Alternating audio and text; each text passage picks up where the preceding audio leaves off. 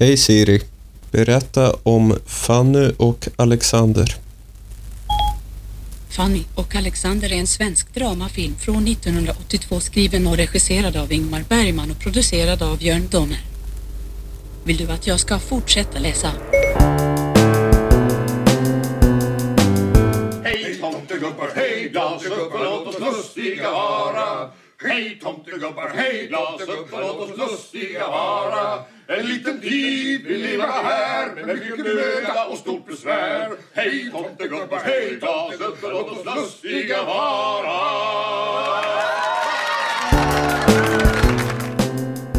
Hej och välkomna till Demonpodden.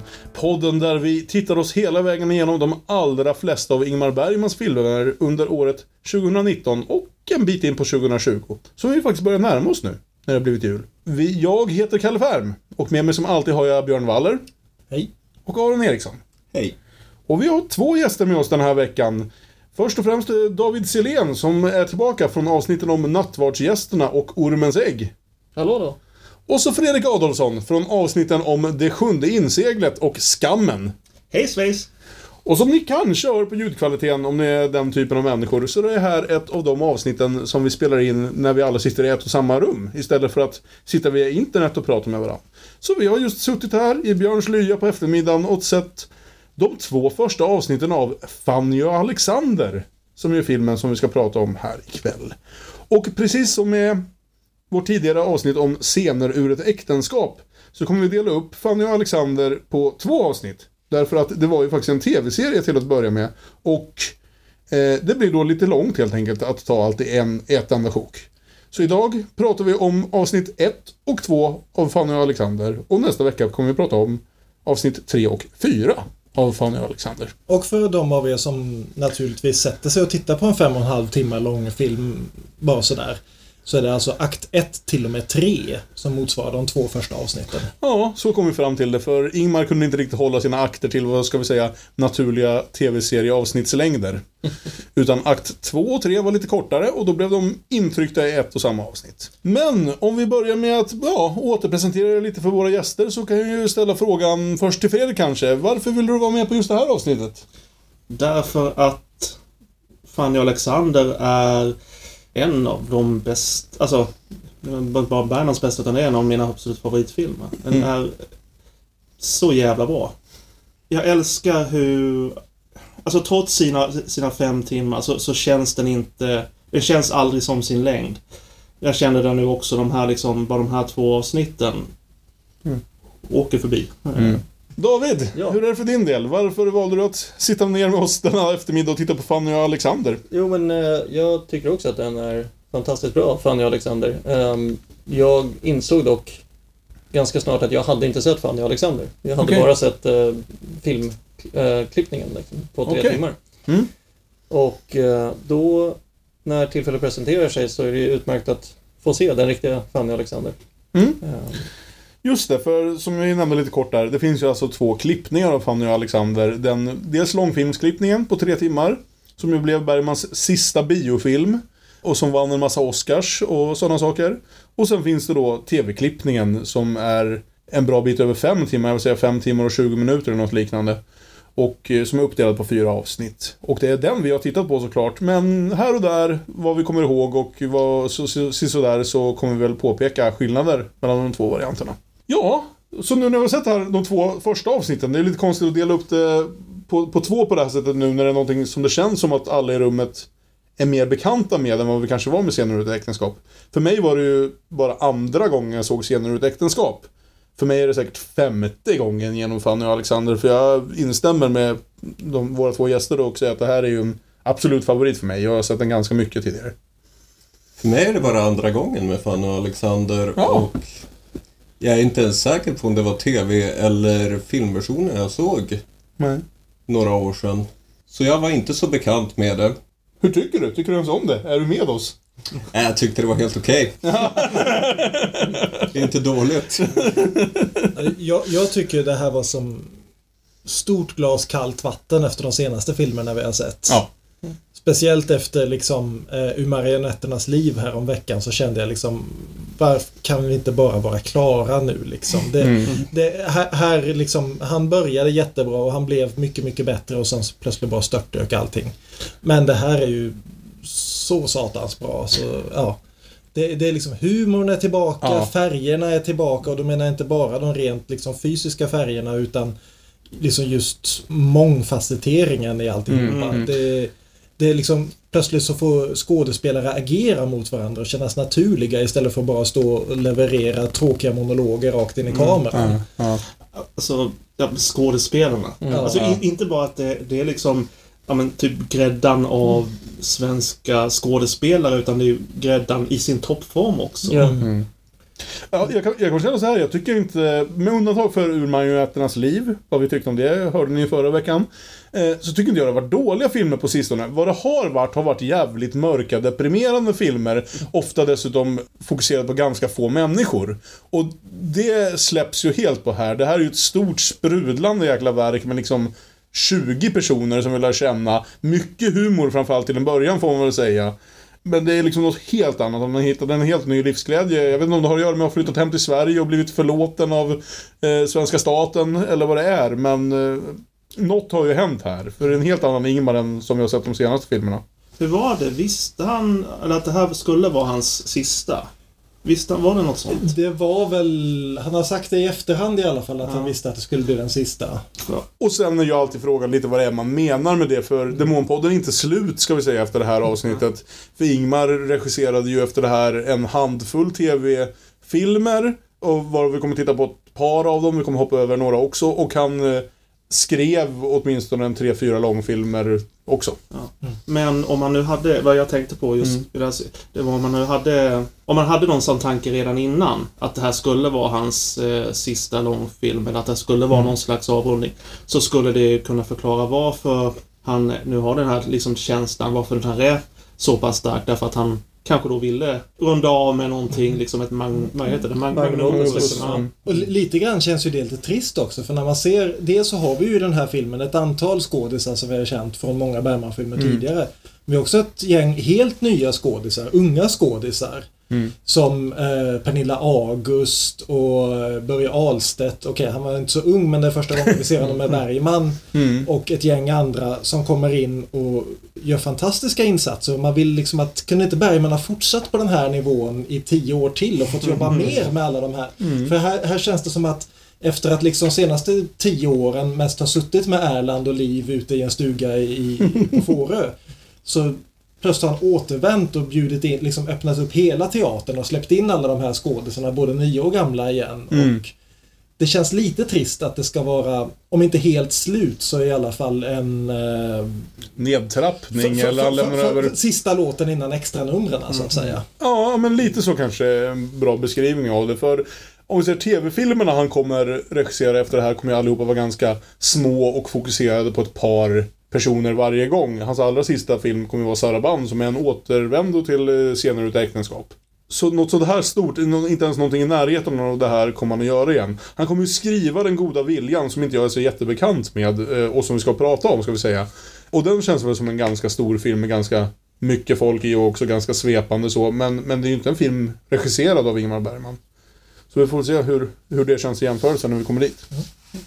Men Ja. vad handlar då Fanny och Alexander om? Ja, eftersom det här återigen är en sån här TV-serie så skiter vi i de här synopsisarna från regi Bergman. Utan istället så tar vi väl avsnitt för avsnitt eller möjligen akt för akt när vi kommer dit. Och eh, Fanny och Alexander börjar ju faktiskt med en prolog. Vilket jag glömmer varenda gång jag ska se den, men sen kommer jag ihåg den. Jag har glömt det nu redan. Ja. På...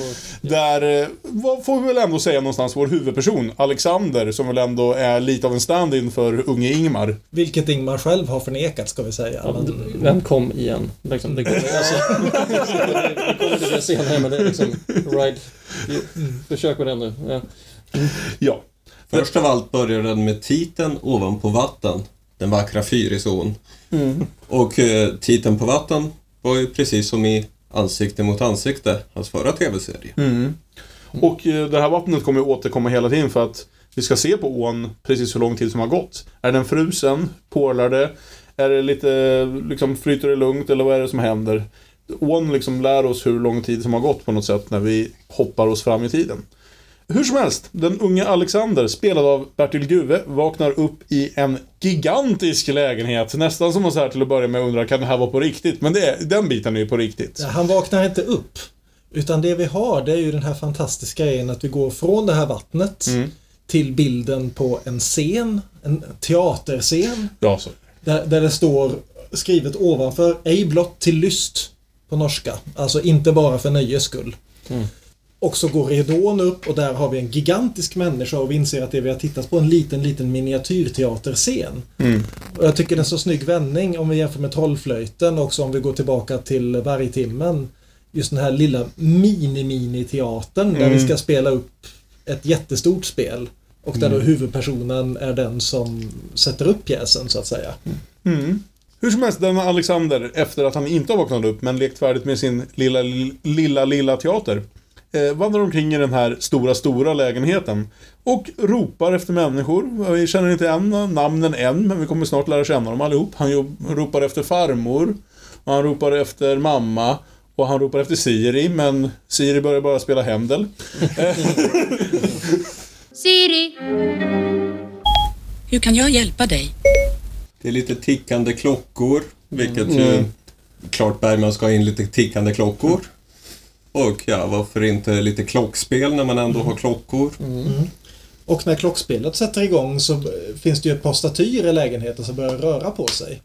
Och om vi tvivlade på att det här var en Bergman-film så föreställer ena statyn föreställer en naken kvinna och den andra föreställer döden. Där reagerade bara döden har blivit äldre sedan uh, sjunde inseglet. Nu har bara dödskallar så Bengt Ekeroth har... Så det blir en filosofisk fråga där. Att, Åldras döden? ja, Dags för döden att gå i pension. Eh, Första av många tecken på att den unge Alexander har en psykos. ja. ja, för Eller det... åtminstone är i puberteten, vilket må vara ungefär detsamma. Nej men för det är väl en av de liksom kvarvarande frågorna från alla gånger jag har sett eh, Fanny och Alexander. Är det här något som Alexander föreställer sig eller är Fanny och Alexander en spökhistoria? Det är absolut en historia kommer vi lära oss med en del magisk realism. Så frågan är ju hur mycket av det här som är något som pojkens livliga fantasi föreställer sig och vad är det som faktiskt händer? Blir han besökt av något från någon annanstans?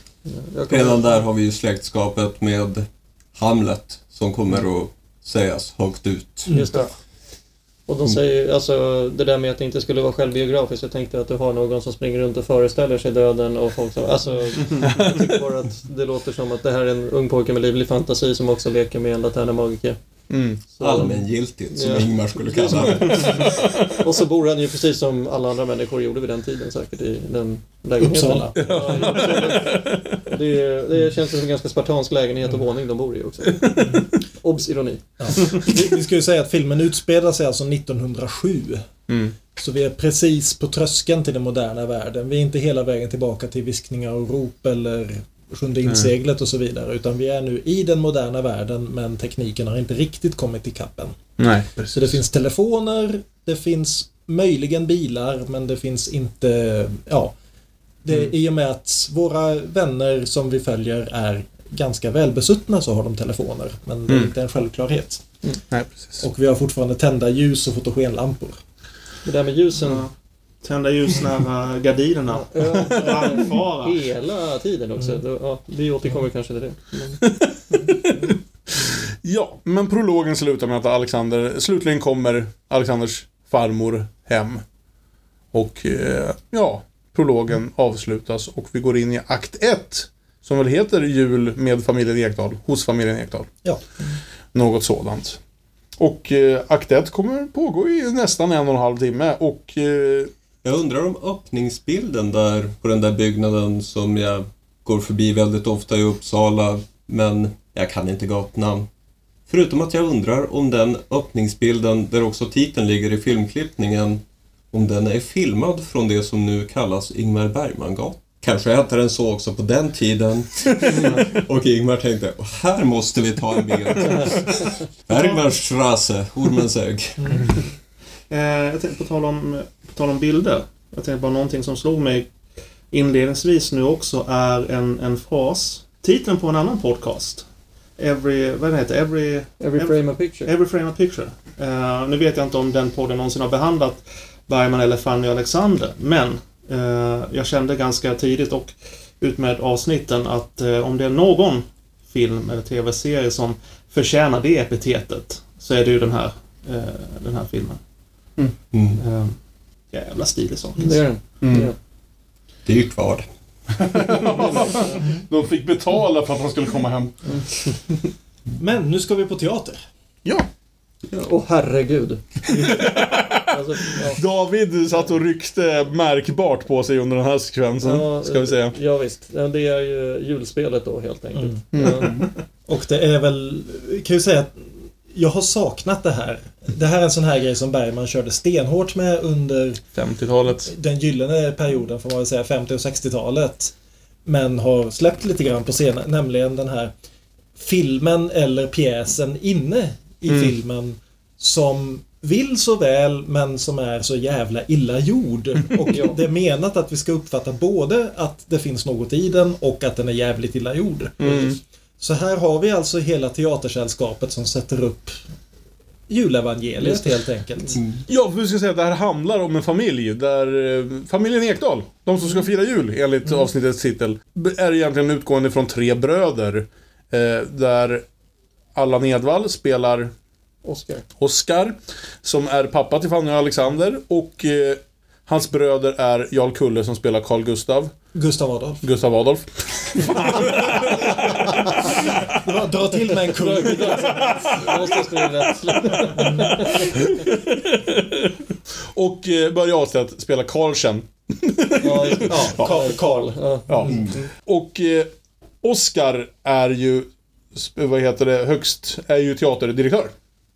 Och det är hans teater som sätter upp det här julspelet där vi presenteras för alla våra huvudpersoner. Ja. Och vi fattar väl ganska snabbt här att det är ganska olika bröder. Mm. Oscar är lite grann drömmaren som vill väl och tror väl om sina medmänniskor men inte har kommit längre än till teaterdirektör. Mm. Gustav Adolf, mellanbrodern, är väl den här som faktiskt har lyckats med någonting i livet Mm. och är en glad vivör som har mycket pengar och alltihopa. Mm. Medan Karl är en försupen medelmåtta.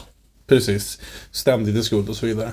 Och jag skulle också säga bara att det här julspelet är första av två gångerna i alla fall första akten som Bergman tydligt fuskar med tiden. För han får det verka som att de drar upp ridån och vi får se det här julspelet och det pågår ungefär 90 sekunder och sen drar de ner ridån och alla går hem.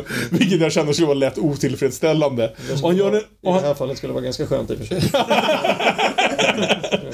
För vi får liksom inga tydliga tecken på att det ska ha gått någon tid däremellan, att vi liksom hoppade över några scener eller så, utan alla samlades där denna eh, julafton för att se en 90 sekunders pjäs.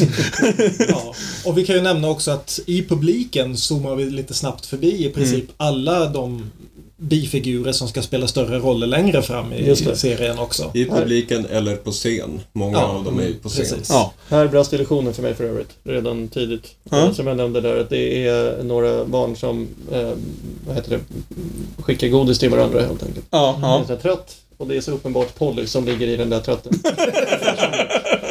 det här är inte 1907.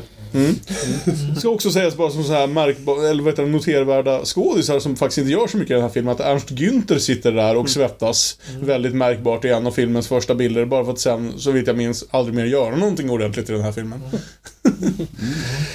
Men ja, sen så är det dags att börja fira jul. Mm. Och det börjar väl med att Ja, vi får ju träffa den andra hu- den återstående huvudpersonen, Mm. nämligen farmor. Ja. Spelad av Gun Wahlgren. Mm. Som är fantastisk i den här jävla... Alltså alla är fantastiska, vi behöver inte säga om varenda människa för de flesta är fantastiska. Men hon är lite extra fantastisk och kanske också för att vi inte känner henne så väl. Flera av de här andra rollerna spelas ju av gamla favoriter vid det här laget. Ja. Eh, Men jag tänker... Gun Wahlgren är en av dem jag alltid tänker först på när jag tänker på den här filmen. Ja, och vi ska ju nämna också för att följa upp temat med Hamlet så spelar hon ju verkligen Gertrud här. Det vill säga hon är bara 11 år äldre än Allan Edwall. Det är alltså en tradition inom Hamlet att eftersom Gertrud ska vara en ganska eh, åtråvärd kvinna och eftersom Hamlet sällan spelas av den typ 18-åring han faktiskt är skriven som Eftersom alla skådespelare vill spela Hamlet så brukar det sluta med att Hamlet spelas av en 53-åring och Gertrud av en 32-åring. Sägs det inte att Hamlet är de närmare 30? Det där... eh, Jo, men undrar- han är skriven som en 18-åring. Det, det, det är Ja, bara ja, och ja. lärde att det är ibland, vissa saker tyder på att han är eh, riktig yngling och ibland måste han vara åtminstone 30 beroende Ja. på när Jorik var. Ja, Lite lång historia liksom. Jag tänker att han är en väldigt gammal student för den tiden. Mm. Inte som nu när man kan vara student. Knölföda. Ja. Men hela familjen ska i alla fall samlas i farmor Ekdals lägenhet. Mm. För även sönerna och deras familjer bor väl i samma hus vad jag förstår. Det verkar ju så. Ja, absolut. Men farmor har den här jättestora lägenheten längst upp. Och det är ju fantastiskt litet persongra... Det är ju här Ja. vi verkligen Mm. får se. Det är ett gäng skådisar som dyker upp här som sen inte återkommer jag tror inte de återkommer i den sista halvan heller. jag Mm, nej, möjligt. Som att vi har liksom, vi har Käbi Laretei som dyker upp och spelar pianist. Och få säga några saker, vilket jag Ja. inte tror har hänt. Hon har ändå varit med, ja, det som händer, hennes händer har varit med i ett antal filmer, hennes pianospel. Sen har hennes ansikte varit med åtminstone två gånger tidigare, tror jag vi kom fram till. Men jag tror aldrig hon fått säga något faktiskt. Vi har Sonja Hedenbratt som spelar någon form av ingift tant. Ja, just det. Och får en enda scen som hon gör väldigt bra ifrån sig i. Verkligen. Eh, när hon beklagar sig över att hennes syster gifte sig med en väldigt rik man och det gjorde hon också. Hennes systers man dog efter tre månader och efterlämnade en förmögenhet. Och det gjorde inte Karl-Henrik. Ja. Oh, det, är väl, eh, för, eh, det är väl där hon sitter bredvid farmodern också. Mm. Och eh, under liksom större delen av konversationen hon, eh, farmodern, eh, som svarar ganska liksom ointresserat och bara pliktskyldigt, kallpratigt. Och sen när hon väl försöker, verkligen försöker engagera sig i konversationen eller säga någonting vettigt. Då pratar Sonja Hedenbratt över henne. Ja. Och sen så har vi hela det här galleriet med diverse pigor och barnmorskor och tjänarinnor också. ja, absolut. Siri, till exempel. Och eh, hon hette ju inte Pernilla August på den här tiden, men vad hon nu hette. Wallgren. Wall, Wallgren. Wallgren var det. Pernilla Wallgren på den tiden. Sen skulle jag säga att Pernilla Wahlgren kommer dyka upp sen också i avsnitt tre bara. Men, så, för att inte förvirra det. Men både Pernilla Wahlgren, senare August, och Pernilla Wahlgren kommer vara med i den här filmen. Och sen så har vi ju eh, vi har det här gam, de här två gamla pigorna. Mm. Eh, Fröken Vega och Fröken Ester spelade av Maj-Lis Granlund och Svea Holst. Mm. Som är ja, två gamla tanter som väl bor ihop ogifta och lite oklart vad deras förhållande till varandra är. Men de, de är i alla fall väldigt, väldigt sarkastiska hela tiden.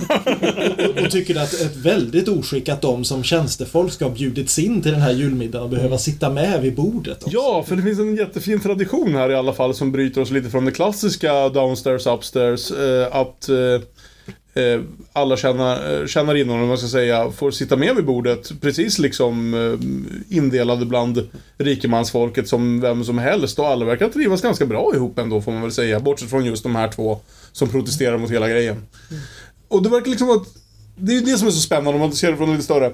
Att Många vet ju säkert, om man, jag kan tänka mig att även många som hör det här, om ni inte har sett Fanny och Alexander har ni ändå hört en del om Fanny och Alexander. Så ni vet lite vart den här historien är på väg. Och inget av det märks ju alls i det här första avsnittet, liksom vart handlingen faktiskt är på väg nästan. Utan det är ju liksom 90 minuter presentation av karaktärerna bara för att vi ska få känna på världen och lära känna familjen. Och det är så jävla fantastiskt, det är ju en hel liten film i sig själv. Och det är väl, ja. och, och det är väl också en av, en av grejerna varför det känns så... Varför den här filmen sticker ut så Mm. pass mycket. Att, att den kan vara så fantastisk, att den kan flyta på så mycket trots att första delen, trots att första avsnittet i stort sett bara är den här presentationen. Mm, absolut. Det, det är lite den här grejen, det borde inte fungera egentligen, Nej. men det gör det. Men det är smart. Den är väl till, alltså, jag inser nu när vi pratar om det att eh, det är en sak att låta den utspela sig på julafton för att eh, de flesta är, det är ju en ganska lättsam stämning och det är kul och det är roligt. Det blir, finns en antydan till tråkiga saker som ska hända. Men att man ser alla människor, även de som man inte tycker om, ser man i lite bättre dagar för att alla är glada och det är fest. Så att man ska börja fästa sig vid de här karaktärerna för resten av serien antar jag. Plus att alla är lite berusade och kanske säger saker de inte skulle säga högt Ja. annars. Nej, precis. Men, men, mm, Vi ja. har ju en huvudperson till också som vi har glömt att presentera. Nämligen eh, vår gamla vän Erland Josefsson. Ja. Mm. Som då spelar Isak Jacobi. Jacobi Vi igen. sätter en check på Jacobi där. Ja, Vi precis. kommer att sätta en check på åtminstone ett annat återkommande namn. Som då är farmors älskare eftersom hennes man är död. Och eh, skälet till att han inte är hennes make är helt enkelt att Isak Jacobi som namnet antyder är jude och pantlånare. Vilket gör att han inte riktigt hör hemma i de här om- Man märker det liksom att Hela tiden så står han ett steg bort från de andra och försöker Ja. ta sig in i det här. Och jag, gillar, jag älskar verkligen hur tydligt de har gjort det bara det här enkla liksom att Erland Josefsson hela tiden råkar befinna sig precis utanför gruppen och försöker liksom klämma sig in och lyssna över de andras axlar. Mm, Därför att han, han tycker, han vill vara med i det här, han hör till familjen och de andra har inget emot honom men han hör inte riktigt hemma där. Nej. Den här teatern där alla, ja, Ekdal-familjen håller hus, valda delar av dem, våra huvudpersoner, ligger runt hörnet i Uppsala. Det är en juveleraraffär där vår vän Isak gör sin entré i filmen. Så det är verkligen runt hörnet.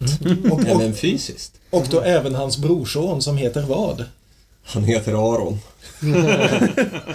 Och han spelas av Mats Bergman som är första gången vi sett ett vuxet Bergman-barn i en Bergman-film. Vi har ju sett Daniel Bergman ett antal gånger i credits men vi har inte sett honom framför kameran. Jo, det har vi visst det. Var det jag Ja, vi har, vi har sett hans nakna rumpa framför Nej, kameran. nej, det är han som är den här pojken som är sur på att både behöva lyssna på Cabby det var det Aron kom fram till. Ah, det är han som är sur på att både behöva titta på trollflöjten och på att lyssna på Cabby Ah, okej. ansikte mot ansikte. Ja, Det är. Daniel.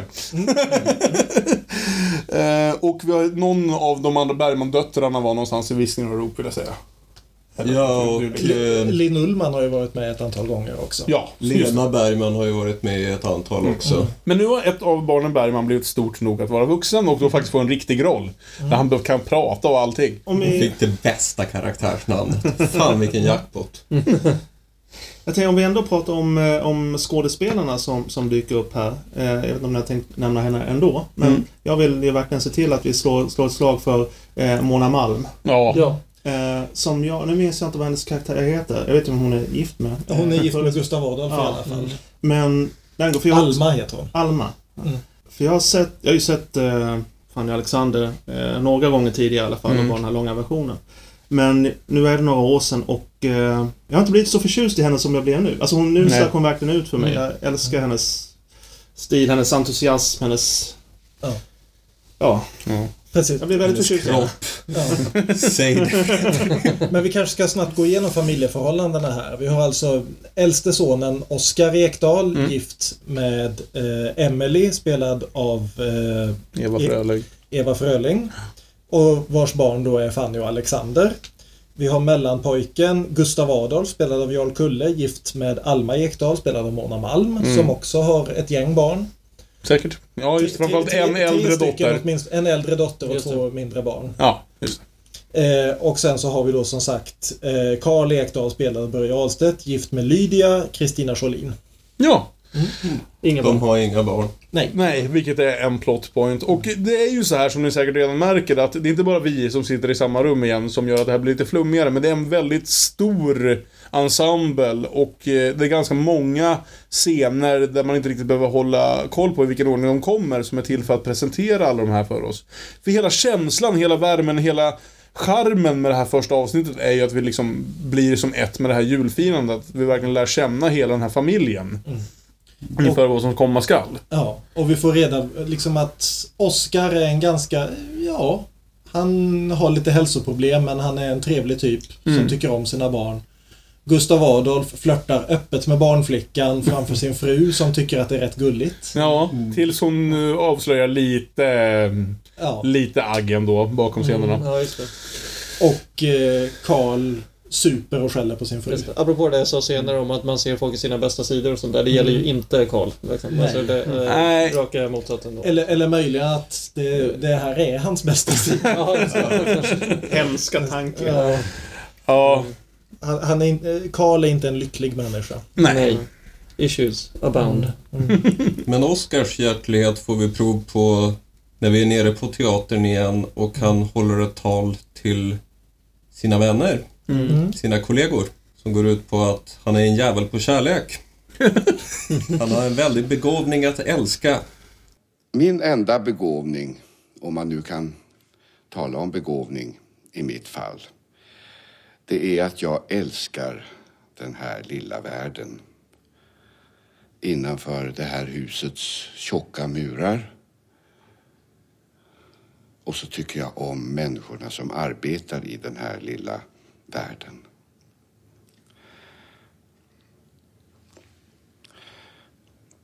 Där ute finns den stora världen och ibland lyckas den lilla världen spegla den stora världen så att vi förstår den lite bättre. Eller också kan vi ge människorna som, som kommer hit.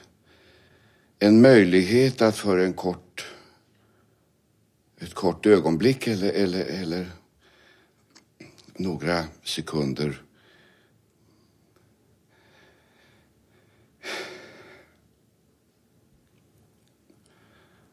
Några sekunder. Glömma bort den svåra världen där ute. Vi har sett att han inte är extremt begåvad. Det Som han skådespelare, som skådespelare ska vi säga. Men det är kul då när han håller det där talet att vet, jag har ingen Ja. begåvning och sen så håller han ett sånt där jag tänker nu, ah, nu sitter, då sitter man bara och njuter för att det är alla Nedvall Ja. som har sitt sätt att leverera det på. Så att jag blev lite, håller de på att metaskämta nu på något sätt liksom. Alltså, att Ja. Man har någon som är jättebra skådis och så säger man, ah, han är så dålig. Ehm, ja. Och så Edvall, det här var inte hans första Bergman. Nej, Han, han han var med på 60-talet en del. Men det vi sa dock, ska vi säga, att det är första gången sedan, för att inte tala om alla dessa kvinnor, om inte den sämsta film vi har sett, så i alla fall i en stark botten fem. Så det är första gången sedan dess som både Allan Edwall, Jarl Kulle och Mona Malm dyker upp. För de var alla tre med i den filmen och sen har de inte synts till i de här filmerna vi har sett på 18 år. Så vi har den här stora julmiddagen som urartar lite smått. In, inte på något negativt sätt egentligen. Det är bara det att den liksom flummar ut lite grann. Om, om man, om man liksom har sett de här tidigare Bergman-filmerna och föreställer sig att det skulle kunna vara en film om en julfest som spårar ur och liksom allting blir höstsonaten redan in på natten. Men riktigt så illa blir det aldrig, utan alla blir fulla, karlarna mer än kvinnorna. Barnen går och lägger Börje sig. mest av alla. Börje mest av alla. Eh, innan barnen går och lägger sig så får de leka kuddkrig. Ja. Med då bland annat eh, barnmorskan eh, Maj spelad av Pernilla numera August. Mm. Som väl våra yngre lyssnare känner med, mer som Darth Vaders mamma. våra yngre lyssnare har inte sett de filmerna. och eh, vi får det där klassiska kuddkriget och eh, mammorna kommer in och säger Men snälla Maj, nu får de faktiskt gå och lägga sig. Och då passar ju då också eh, Alma. Gus- Gustav Adolfs fru Ma- Alma på att eh, ge Maj en rejäl örfil. En liten julklapp. En julklapp. En liten julklapp. För det är liksom, de är överens om att okej, du får min man i natt, men jag får åtminstone ge dig en smäll. För det är som vi vet älskarinnornas fel när karlar knullar runt. Just det. I've been saying that for years.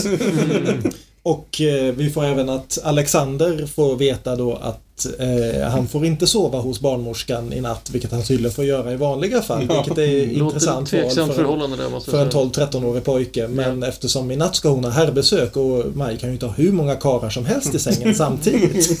Det är en sån där scen som precis tangerar att vara jättegullig, för jag tror att hon menar det väldigt liksom så till att vara lite lätt obehaglig. Men jag tycker den landar precis rätt ändå på något sätt. Ja. Vi, vi får även se Karl stöta ganska hårt på sin egen brorsdotter, vilket...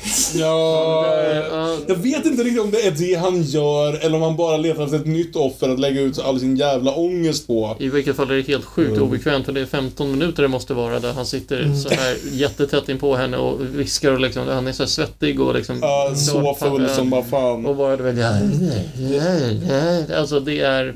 Ja, det var inte trevligt att se. Speciellt Nej. inte när, när man var bakis som jag. Det, det är mycket äggvita på Börje Ahlstedts ansikte. Ja, och det för oss ju fram till den punkten som jag faktiskt undrar, för det, jag kommer nog inte klaga rent kvalitetsmässigt på jättemycket i den här filmen. Jag undrar lite över Kristina Skolin och valen hon gör som tyska. Ja, Jag tycker ändå, som en som faktiskt pratar tyska, så tycker jag liksom att hennes tyska brytning är för det mesta ganska bra. Ganska okej. Eh, hennes tyska är kanske, ja, inte usel, men man märker att hon bryter på svenska. Jag, jag tänker på... Men, men vilket, alltså karaktären har bott i Sverige i 23 år. Ja. Det, det, den stora frågan jag ställer mig med tanke på förra veckans film och det, cameon av svenska kungahuset där. Mm. Det är ju liksom om Bergmans instruktioner till henne var att försök låta så mycket som drottningen som Det var möjligt. precis det jag tänkte. Det, var, alltså, det kändes som att det är så här Silvia låter ungefär. Så att då liksom, ja. Ja, men det, kan, det kanske är det. För, eh, ja, för det- kanske mest just det här att säga hälften av sina meningar på tyska och andra halvan på svenska som jag börjar undra om det är mest en klyscha för filmer så att säga och sådär va, eller om det är något som faktiskt... Men jag, jag reagerar i alla Om vi säger så här.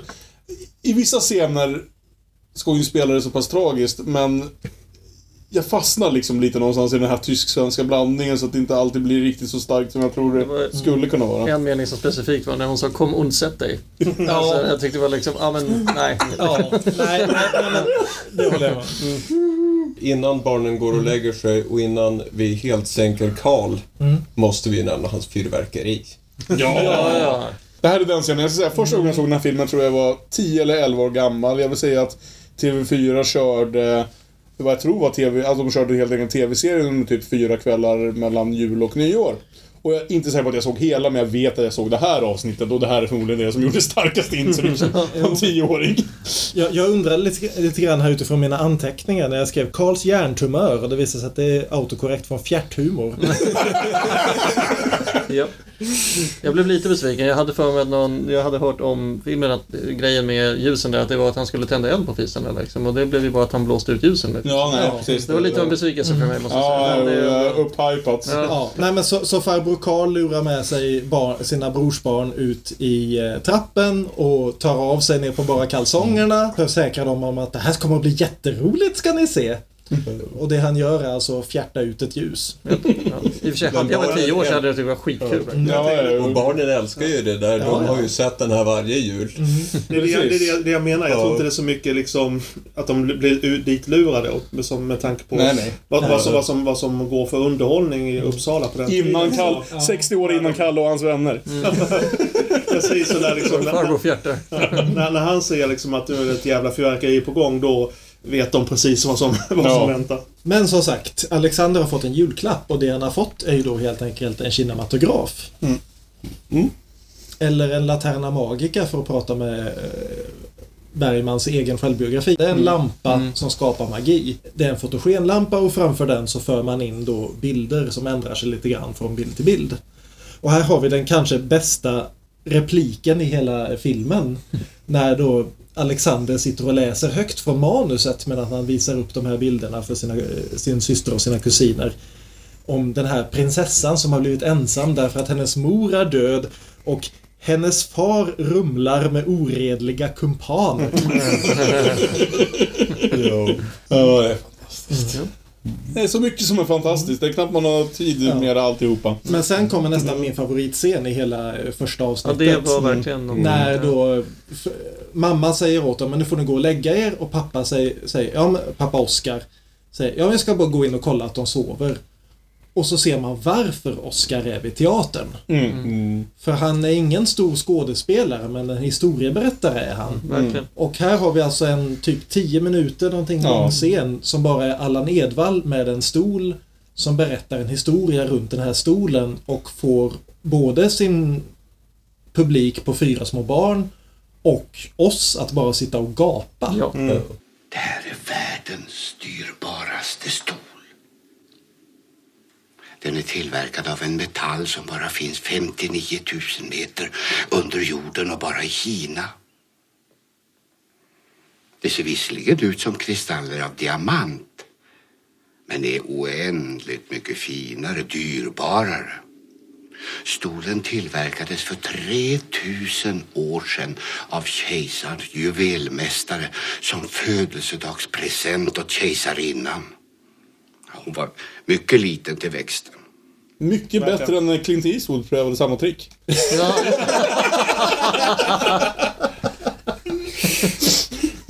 Jo, han är en diktare och, och han får ju den här stolen att verka helt magisk. Han Ja. ställer upp den där på bordet och i lampans sken så, ja. Nå, så blir- Visst fan är den självlysande. Så Nu är det en skatt den där. Och kvittot kommer ju när då han är på väg att göra någonting med stolen när han har bytt karaktär. Och Fanny skriker då Gör inget eller rör inte stolen eller någonting. Eller, Mm. ja, var försiktig. Jag har blivit helt övertygad. Mm. Jo, det är fantastiskt. Ja. Och sen så klipper vi ner, för vid det här laget är vi framme vid typ tretiden på julnatten. Nu kommer vi in på det här som du nämnde också Kalle med att tiden är lite... Ja, nu flexibel kommer den andra scenen. Men det här är nog, Björn nämnde precis sin favoritscen i första avsnittet. Mm. Det här är nog min favoritscen i första avsnittet.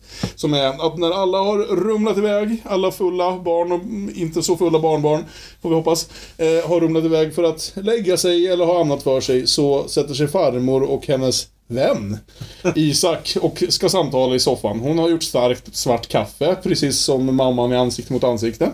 Eh, och eh, de har en konversation som jag vill säga en oavbruten dialog kan vi kalla det, men han sover för det mesta av det, så en monolog närmast. Som, där de tydligt säger i början av den att den börjar klockan tre på natten. Och sen i slutet av det är det någon som kommer in och säger nu är klockan tio i fem. Och det har liksom knappt varit ett klipp och det har knappt varit liksom något avbrott i hela den här fantastiska berättelsen de berättar. Där hon, Det är lite liksom plot summation, det är lite att vi ska få veta mer om, om karaktärerna. Men vi har också lite grejer som släpps här nämligen. Precis. Att farmor då berättar, att hon pratar om sina söner. Hon är så orolig för Karl och Gustav Adolf som bägge två är övererotiska. Vilket för Gustav Adolf går fint för han har pengar och han har en fru som inte bryr sig om att han ligger med hus husorna. Medan däremot för Karl som är fattig och bara har sin egen fru så är det inte speciellt bra för han blir bara sämre och sämre av det. Eh, och hon är så oroad för Karl och hon tror att han går till ockrare för han har lånat så mycket han kan av henne. Och nu tror hon att, hon går till, att han går till ockrare och lånar mera pengar. Vet du någonting om det? Och Isak säger nej, jag vet ingenting om det.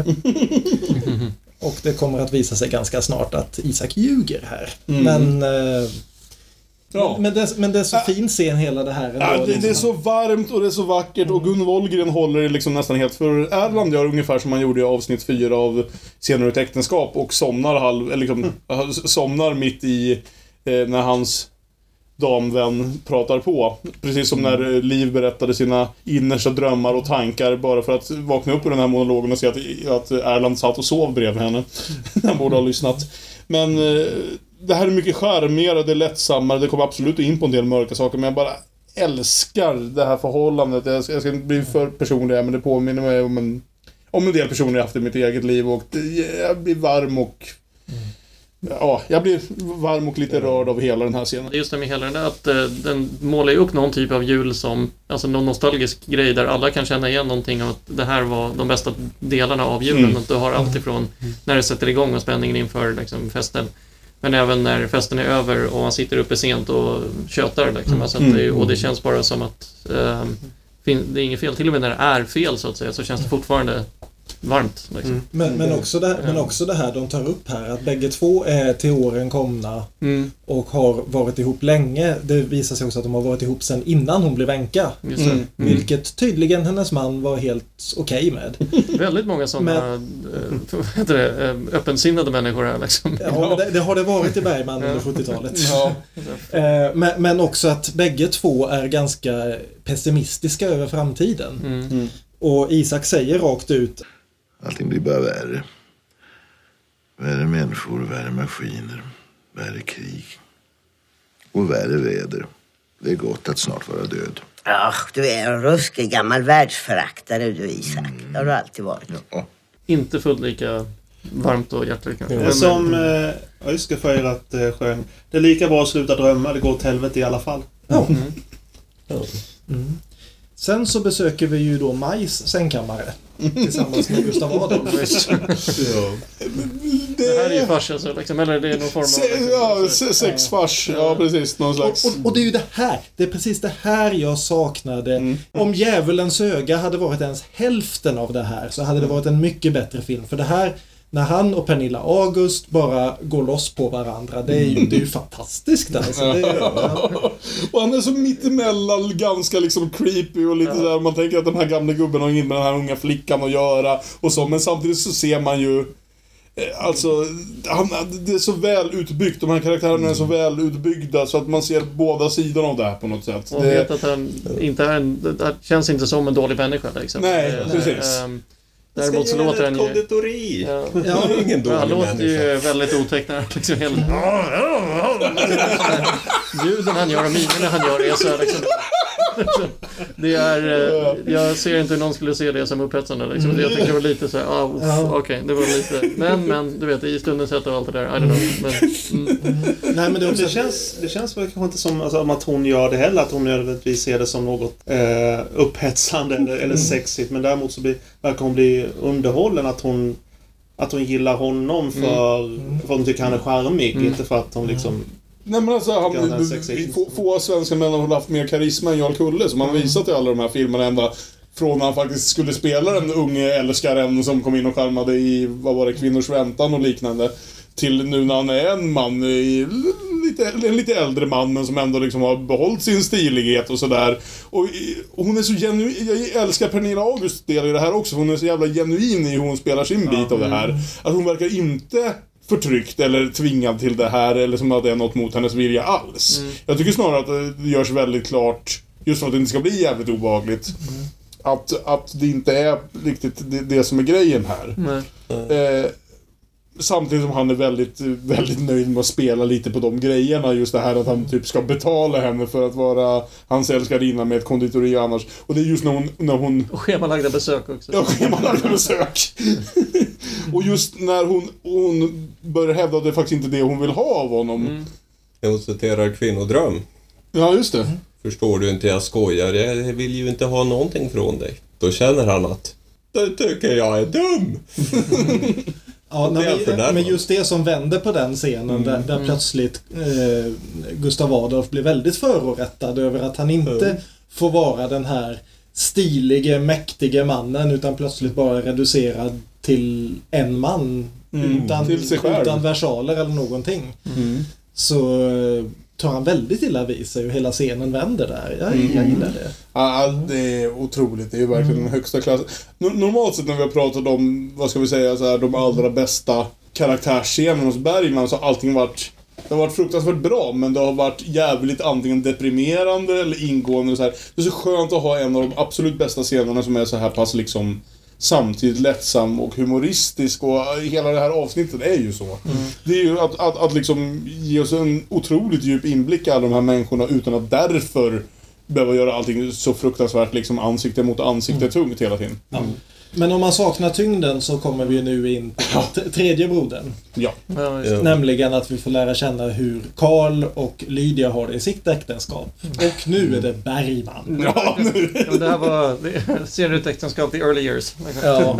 Det var riktigt jobbigt liksom till och med. Det var verkligen hur han... eh, När han växlar mellan att liksom vara sjukt förolämpande och sen säga förlåt och sen växla tillbaka. Han blir extremt obalanserad och ja, han spelar ju bra för jag blev, man, han är så jävla otäck. Liksom. Mm. Eh, Han är professor och tycker eh, uppenbarligen att han är en riktigt fenomenal man. Mm. Men vet ju samtidigt att hans liv har inte gått så jävla bra. Nej. Så han eh, vandrar ju mellan det här maniska övermodet och den totala... Självhatet liksom Ja. nästan. Ja, otroligt, eh, otroligt deprimerad. Samtidigt som han blir eh, va, va, återigen vandrar fram och tillbaka, inte minst nu när han är otroligt full, vilket han ju verkar vara mestadels av tiden. Ba- Bara det här att vi alltså tidigt Ja. i scenen fastslår att deras lägenhet är iskall därför att de har inte längre råd att betala eh, vedleverantören. Nej. De har ingen, inte ens längre någon kredit där. Och eh, Lydia, hans tyskspråkiga fru som han hela tiden ryter åt att tala svenska för helvete, du har bott här i 23 år. Därför att hon bryter som sagt som drottning Silvia. Vilket inställer frågan, hur ofta grälar Carl Gustav och Silvia om hennes brytning?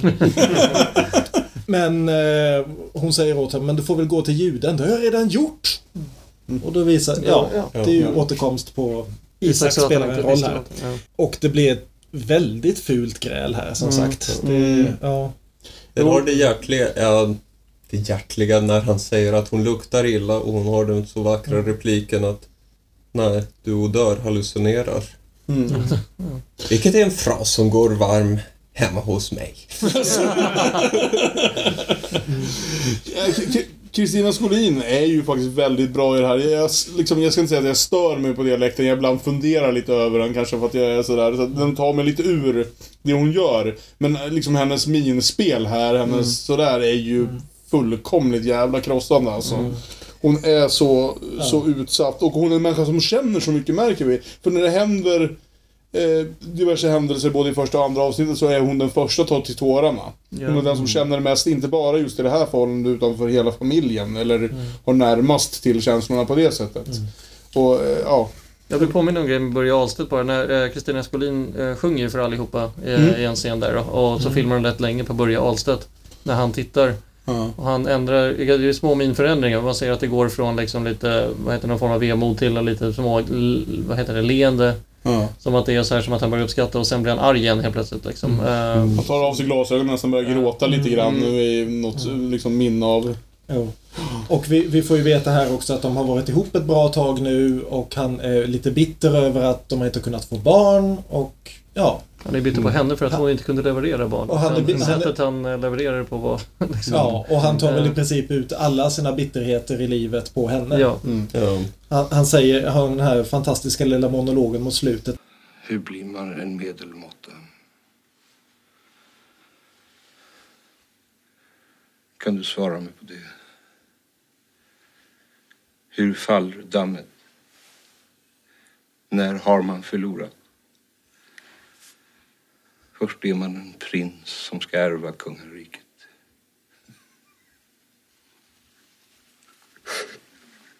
Plötsligt ger man vet ordet av är man avsatt.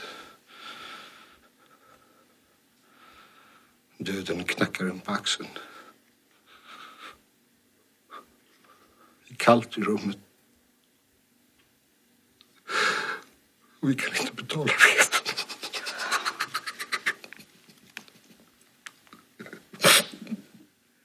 Jo, det är en det- fantastisk liten ja. monolog. Han kan skriva de här scenerna, Ingmar. Han vet hur man får till dem. Ja. Vem kunde tro det? Men, men som sagt, klockan börjar närma sig julottan. Och- Ingen verkar ha sovit, Nej, ska vi säga. ingen, ingen har sovit alls överhuvudtaget. Alltså i och med, med tanke på då hur tiden fungerar i det här Uppsala så Ja. kanske de har båda varit vakna hela natten och Ja. sovit hela natten allihopa samtidigt. Vad, Och- och- vad lär oss prins Hamlet om inte tiden är ur led? Fan, alltså, vet du vad? Du sa det som ett skämt. Jag undrar om nästan inte Kanske det är så. Ja, ja, men ja. Ja, ja. Den som har en bäst morgon denna julotta är ju vår vän Jarl Kulle. Hans fru kommer in och frågar vad han vill ha till frukost. Och han svarar Öl. Hur är det? Konjak. Coffee, coffee. Ja. Nej, utan Alma, Alma och dottern kommer in och ska väcka Gustav Adolf. Gustav Adolf har legat hos pigan hela natten och är väl inte jättepigg. Nej. Men när han väl får tag på sin fru, då blir han jättepigg igen. Då vaknar lilla Gustav Adolf också. Ja, precis. Det, precis. Och eh, ja, alltså alla tre bröderna är döpta till kungliga namn. Det finns väl en poäng med det. Och att, dera, och att huvudpersonen heter Alexander, kejsaren. Men ja, Han sitter ju där på tronen i början, det nämnde Ja, precis. Han sitter på- ja, ehm, de, det finns alltså en toalett i huset som ser ut som en kejsartron. Där Alexander sitter och leker vid ett tillfälle. För att Hamlet var prins, jag förstår. Och så åker alla iväg till julottan och det ser ut att vara typ 11 på förmiddagen för det är helt ljust ute. Ja, jag höll på att säga, är det någon slags liksom mitt på, alltså, 12, 12 på dagen otta? Förstod Ja, men rikt, rikt folk får åka på julottan. Det är säkert en jävla julotta. Det var ju väldigt många facklor i den scenen. Ja. Alltså. Jag undrar också lite hur color timingen var på, på Blu-rayen vi tittar på. Jag undrar om den verkligen ska vara sådär ljus. Jag ska, jag ska titta hemma sen. Jag litar på min Blu-ray. Och där slutar akt 1. Ja, det gör den. Eller rättare sagt, akt 1 slutar med en närbild på Alexander när han sitter i den här släden och Just det. håller i en fackla. För vi Ja, har vi börjat måste och väl prata lite längre om sexscenen mellan Jarl Kulle och hans fru. Varsågod. Ja, de ska testa en eh, ståfralla. Det, det. Så Mona Malm Ja, lutar sig fram över sängen. Hon har en kudde som lägger sig på. Hennes bil också är Det ser så jävla inövat Ja, ut alldeles Ja, då gör vi fantastiskt här igen då. Liksom. Ja, ja, ja, ja. Vi kör på det. Ja. Jo, men samtidigt som när han väl liksom... Eller när hon väl liksom accepterar det, eller vad man ska säga. Så, så är det ju ändå med en viss eh, entusiasm. För Ja. Först är hon lite, ja men ska vi verkligen? Jag har ju satt upp håret och... Ja men okej, vi kör. Och så fram mot sängen och sen bara...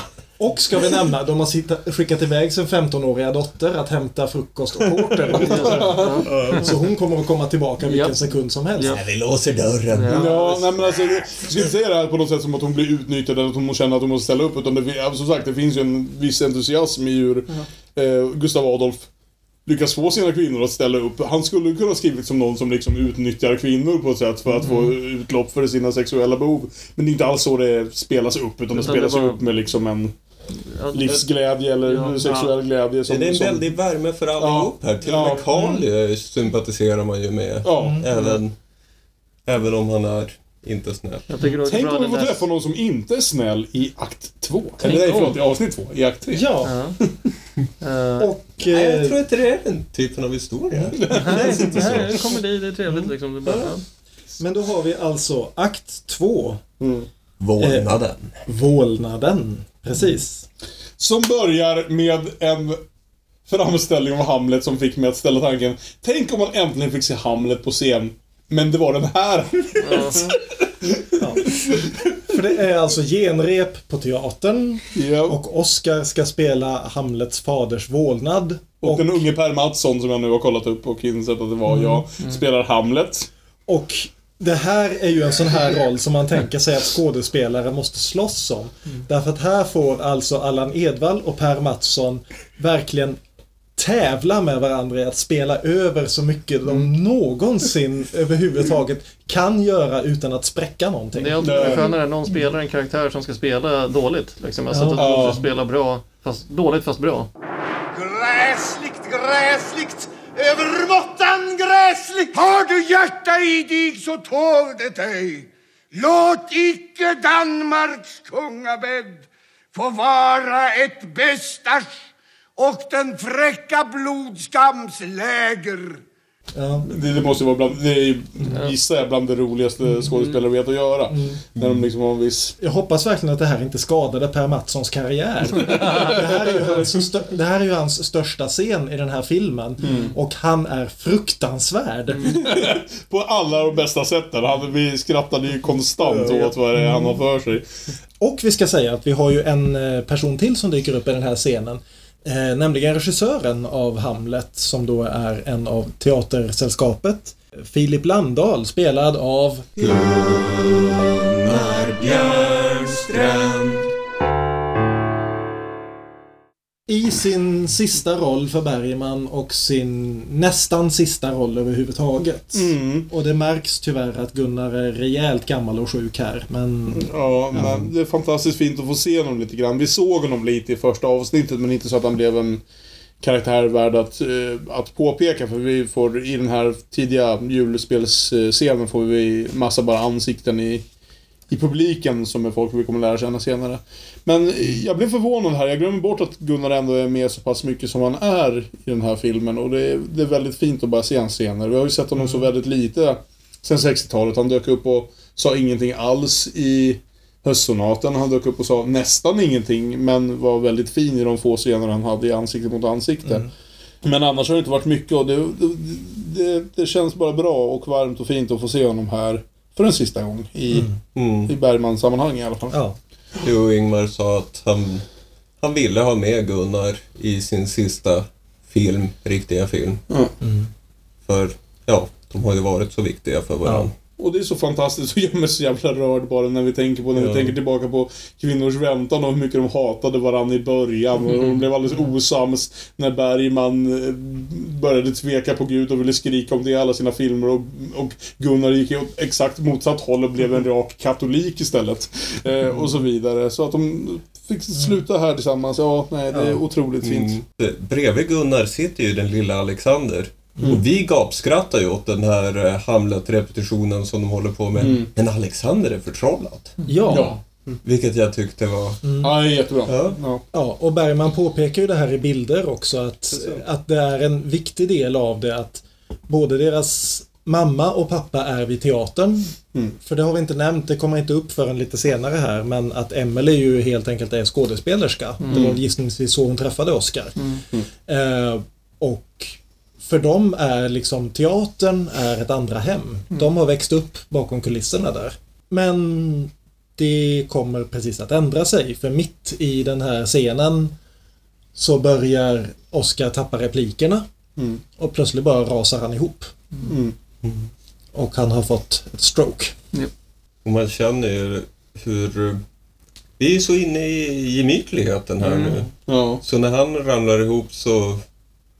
Nå, nå faller någonting inom oss som tittare också. Ja, men he- precis. Helt plötsligt rasade det för hela familjen Ekdal och samtidigt för liksom filmen och åskådarna. Ja. Allting ändras i och med det här. Allting, när man ser sen, eh, alltså färgerna och allting som var med i första, liksom allting har ändrats till grått och vitt och Ja. trist.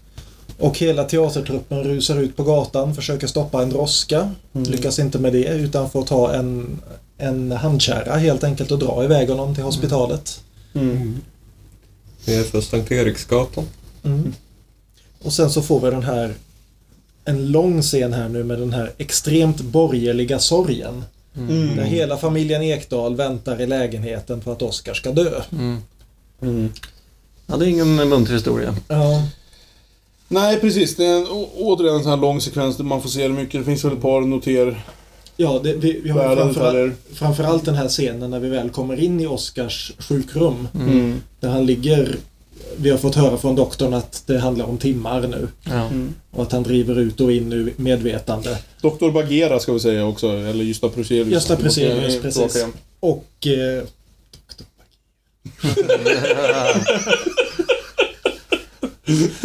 det finns säkert en Disney-spin. Det är som om Baloo kan vara pilot. Dr. Beggar, House MD. Men- men vi- Djungelboken. Ja. Eh, Men just när vi kommer in där i Oscars sjukrum och Bergman och Sven Nykvist bara plötsligt tvärnitar.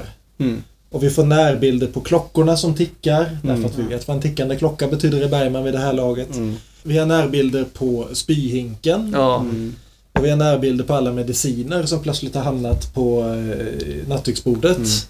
Ja. Och det här är väl också, alltså rätta mig om jag har fel, det kan jag mycket väl ha, för det var någonting som inte slog mig förrän precis vid den här scenen.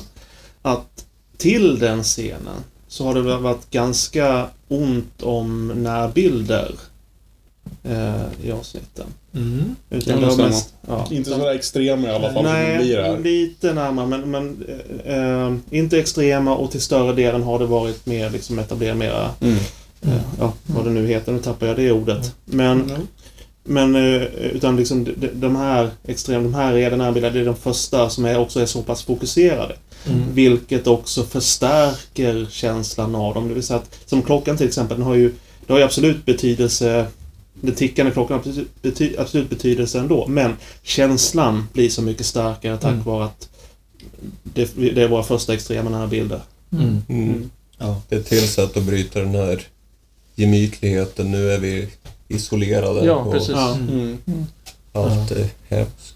En sak jag tänkte säga om, eller vi kanske kommer dit men eh, nu när han ligger för döden här Mm. eh, så tyckte jag att det, när de sa att det bara är timmar kvar något som jag tyckte var farligt nära att hända var en sån här scen där eh, nu vet du, man har, det kan vara i komedier eller någonting där någon håller på att dö och Ja. säger sina sista ord, blundar Ja. och sen öppnar ögonen. Det var en sak till förresten. Och sen, eller någonting sånt. Det, var, det blev lite en sån känsla här där det var liksom, okej nu, och nu andades han ut så det, okej nu var det, nej okej det var lite mer. Ja. Nu, alltså, Vilket ju speciellt Allan Edwall är känd för i en annan film där han spelar mot Börje Ahlstedt. Jag är inte död! ja, just exakt. Ja, precis. Det var kanske därför jag hakade upp mig också. Jag tänkte att, För i Ronja Rövardotter spelar ju... Hej Ellen. Ä- ä- Även där spelar ju Allan Edwall äldre mentor till Börje Ahlstedt. just det. Och Han är död. Det är jag inte alls. Tror inte jag har så pass folkvett att jag tar avsked av folk innan jag ger mig iväg. Men nu, o vänner, tar jag avsked av er alla. För nu dör jag. det här är ju... Ja, Ja, nej, ja, det här det är en är... hemsk scen, det är också en väldigt fin scen Jag hade tårarna där hela tiden. Ja. Det verkligen. Det är väldigt tyst i det här rummet som ändå hade... Ja. Vi hade ändå varit lite snacksaliga med varandra under, under hela det första avsnittet någonstans. Det blev väldigt tyst i Mm. rummet när vi kom fram hit. Ja.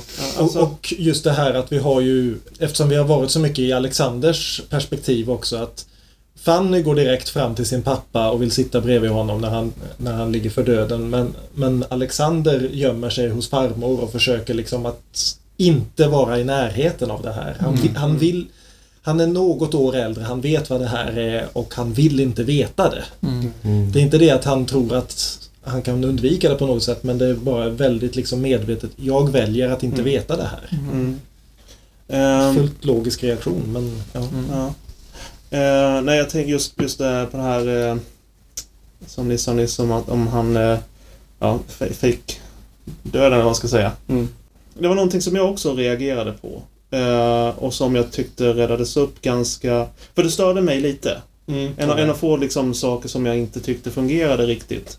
Det är att när man först tror att han dör, Mm. eller när han, han, eh, Andas tungan andas Ja. ut. Det känns, alltså, efter, jag varit, efter att själv ha varit i som en liknande liksom, den där situationen, Mm. så kändes det, speciellt med liksom, klockan som tickade också och allt det där, så kändes det väldigt, det kändes väldigt äkta. Och det Mm. kändes väldigt eh, tungt. Och hade kanske känts lite effektivare om han faktiskt hade liksom dött där. Mm. Så när han väl har lite mer att säga Mm. så eh, tog det mig ur situationen lite. Samtidigt, den, den scenen, alltså eller den delen av scenen, just den där närbilden Mm. eh, med där kameran verkligen bara är på, eh, på hans och hennes ansikte Mm. mot varandra och Allan Edwall levererar sina repliker jävligt bra ändå. Alltså den den scenen, den scenen, den, den eh, Kompositionen eller? Tack. Mise-en-scène. kompositionen är så jävla stark så att det ändå liksom räddar, ja, Ja, räddar alltså- upp det som var på väg att Men- bli men vi har- fel. Men vi har ju också det här att eh, i bilder så ger ju Bergman en hel del cred till en av gotikens förfar, förfäder, nämligen E.T.A. Hoffman. Mm.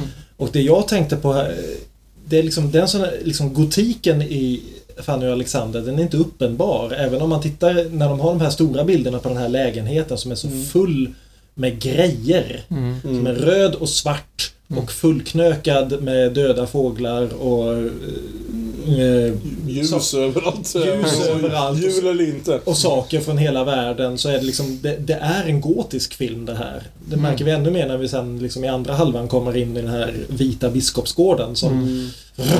Men eh, just här, det här är ju en scen rakt ur Poe egentligen. Mm. Den döde mannen som fortsätter prata. Mm. Och det här använder han ju i viskningar och rop också. Men Ja, jag vet inte katten om det inte är mer effektivt här. Mm. Just därför att här finns det inte någon eh, magisk realism i det just, här, i den, just i den här scenen.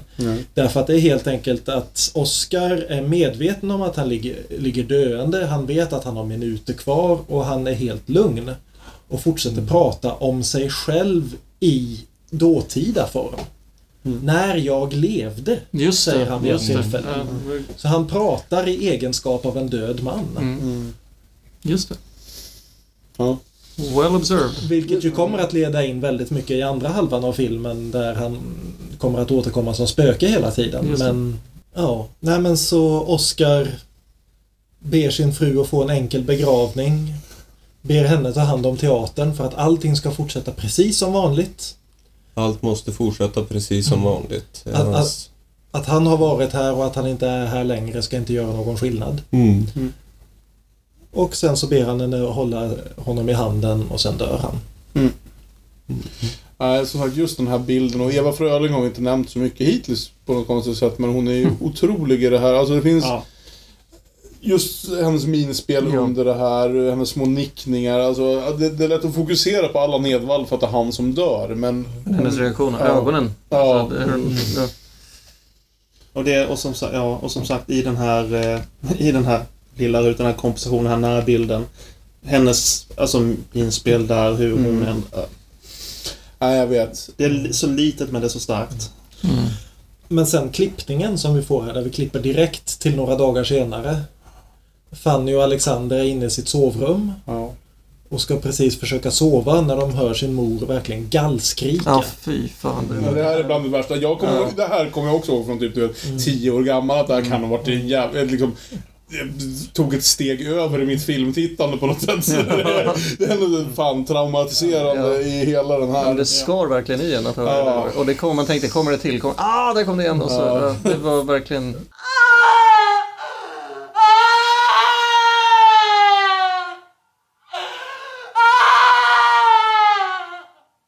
För just det här att vi följer dem då när de kliver upp i sina sängar och går genom hela den här stora fina lägenheten, rum efter rum efter Mm. rum. Det är inte helt olikt scenen faktiskt i Viskningar och rop.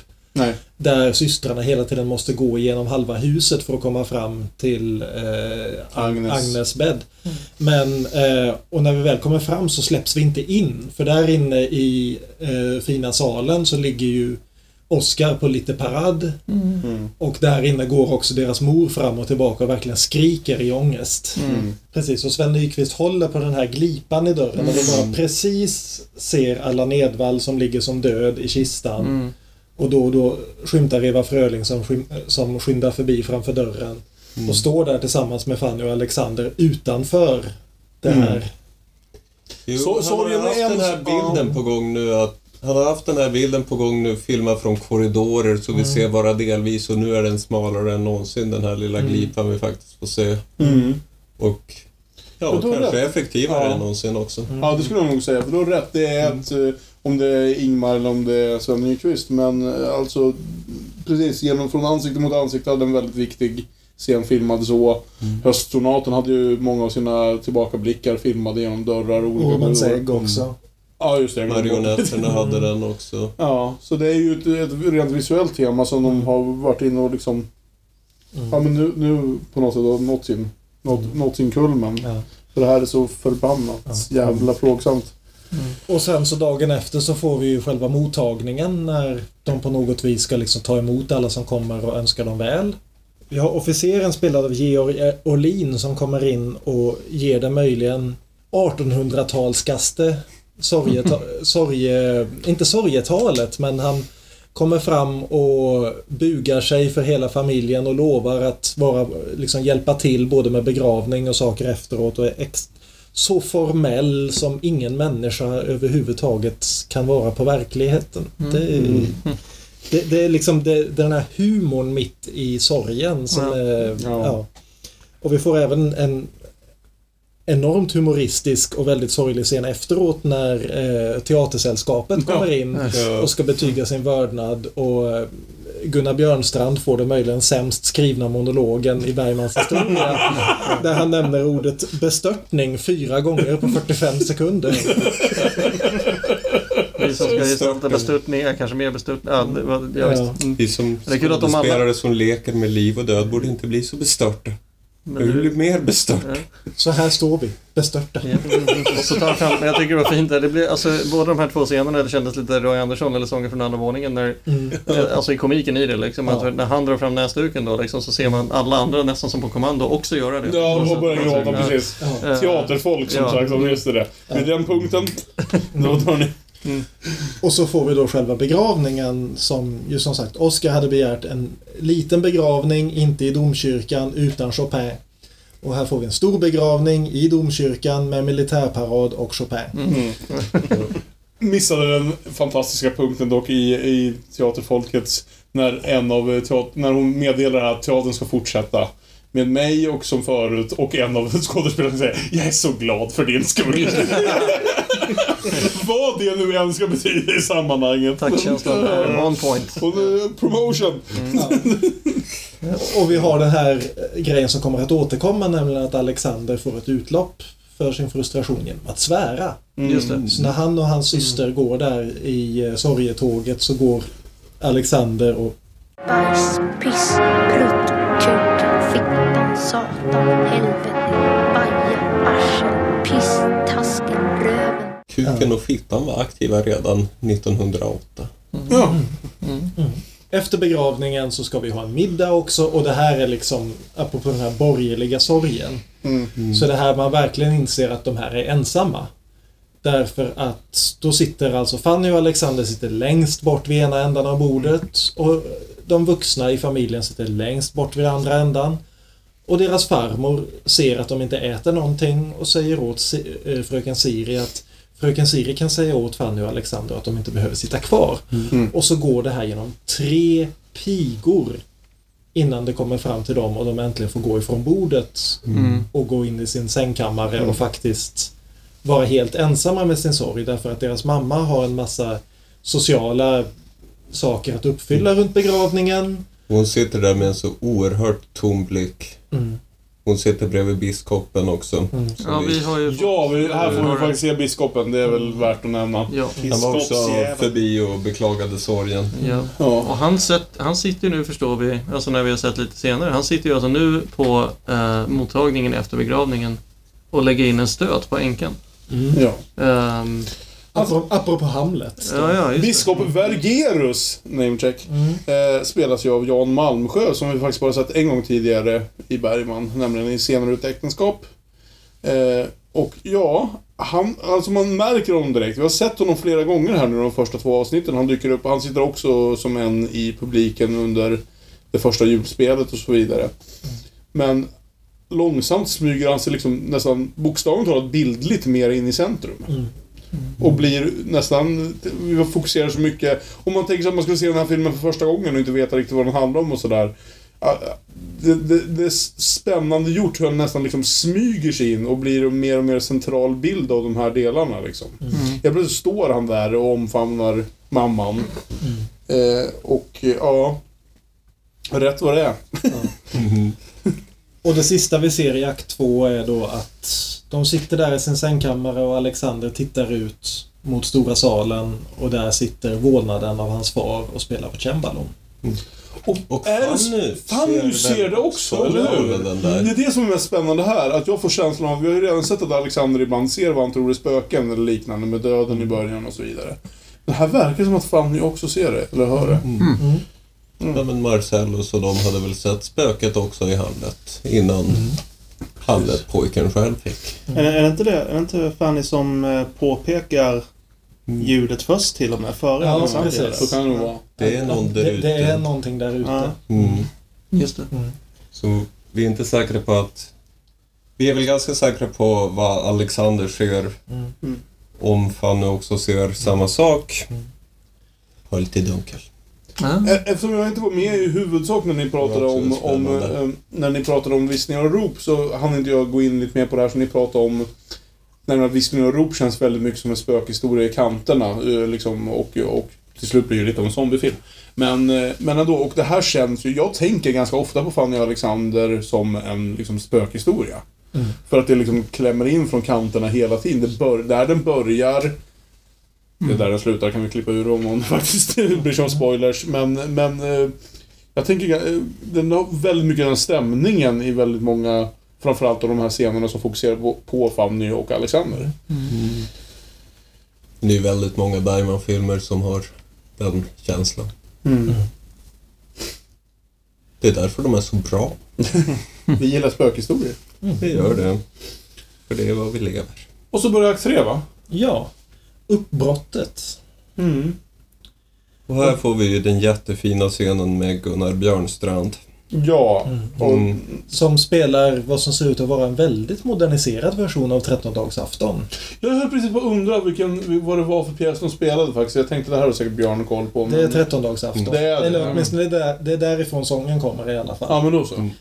Men när jag tog mig en fru och det sjöng hejsan för väder och vind då satte hon för skrävlande pek ty regnet det regnar var eviga dag Så han sitter på scenen tillsammans med en, en pojke som spelar musik. Blåser i en flöjt. Och sitter med en, ett paraply och rosa smink. Ett ljus precis under paraplyet, vilket jag skulle säga är en enorm En- brandrisk. ännu en liksom. brandfara. Ja, visst. ja, respekten här för brandrisker är helt obefintlig. Upprörande. Det fanns inte eld på Jag ska 1900 också säga här att vi, vi har inte nämnt det än, men det finns ju dokument Fanny och Alexander är ju den mest berömda av Bergmans bakom-filmer i och med att den, tror jag faktiskt visades på SVT vid något tillfälle strax efter filmen och har funnits med på varenda DVD-utgåva. Jag har sett den, men för väldigt länge sedan. Jag har inte hunnit se om den för det här. Och eh, det jag minns mest är hur, hur alla, det finns filmat hur Gunnar tagning efter tagning försöker ta sig igenom den här sången. Och det är så svårt om man ser på Gunnar hur sjuk han är och hur liksom... Ja, nej det är, ot- det är otroligt rörande och i, till den graden att jag nästan minns den varianten, alltså de här outtakesen mer än vad jag faktiskt minns scenen i filmen ibland. Jo, ska, Ingmar skriver om just det i, i bilder att, ja, specialskrivet just för Gunnar. Att det här var den roll, den perfekta rollen vid det här tillfället och han hade avsatt mycket inspelningstid för att få ta den. Mm. Och han var också där väldigt bitter på att Lilly Björnstrand hade sett till att det inte var med i filmen, antar jag. Mm. Han skriver det där som att han inte fick visa det, men det är uppenbart med i TV. Klippningen. vi, vi ska nämna att Gunnar Björnstrand hade alltså fått en stroke ungefär tio år tidigare. Mm. Och väldigt målmedvetet försökt jobba sig tillbaka men aldrig riktigt kommit upp i...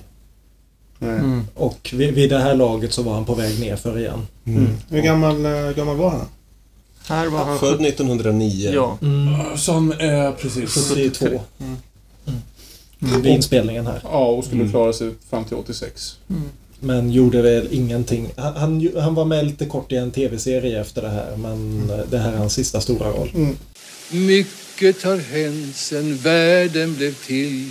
Sjung hejsan för väder och vind. Vår pjäs är slut. Men om ni så vill ska vi roa er med den var eviga dag Eh, han sitter i alla fall där och sjunger och eh, vi ser liksom teatern fortsätter som vanligt och det är diverse saker som händer backstage och så vidare. Påminner lite grann om Trollflöjten.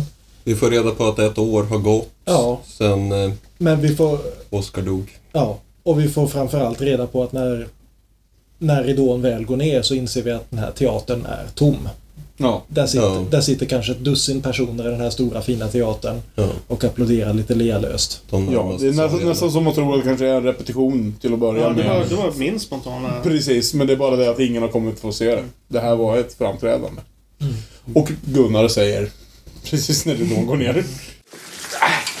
Bara skitsamma Emily går in och berättar att nu har hon drivit den här teatern i ett år och hon klarar inte av det längre. Nej.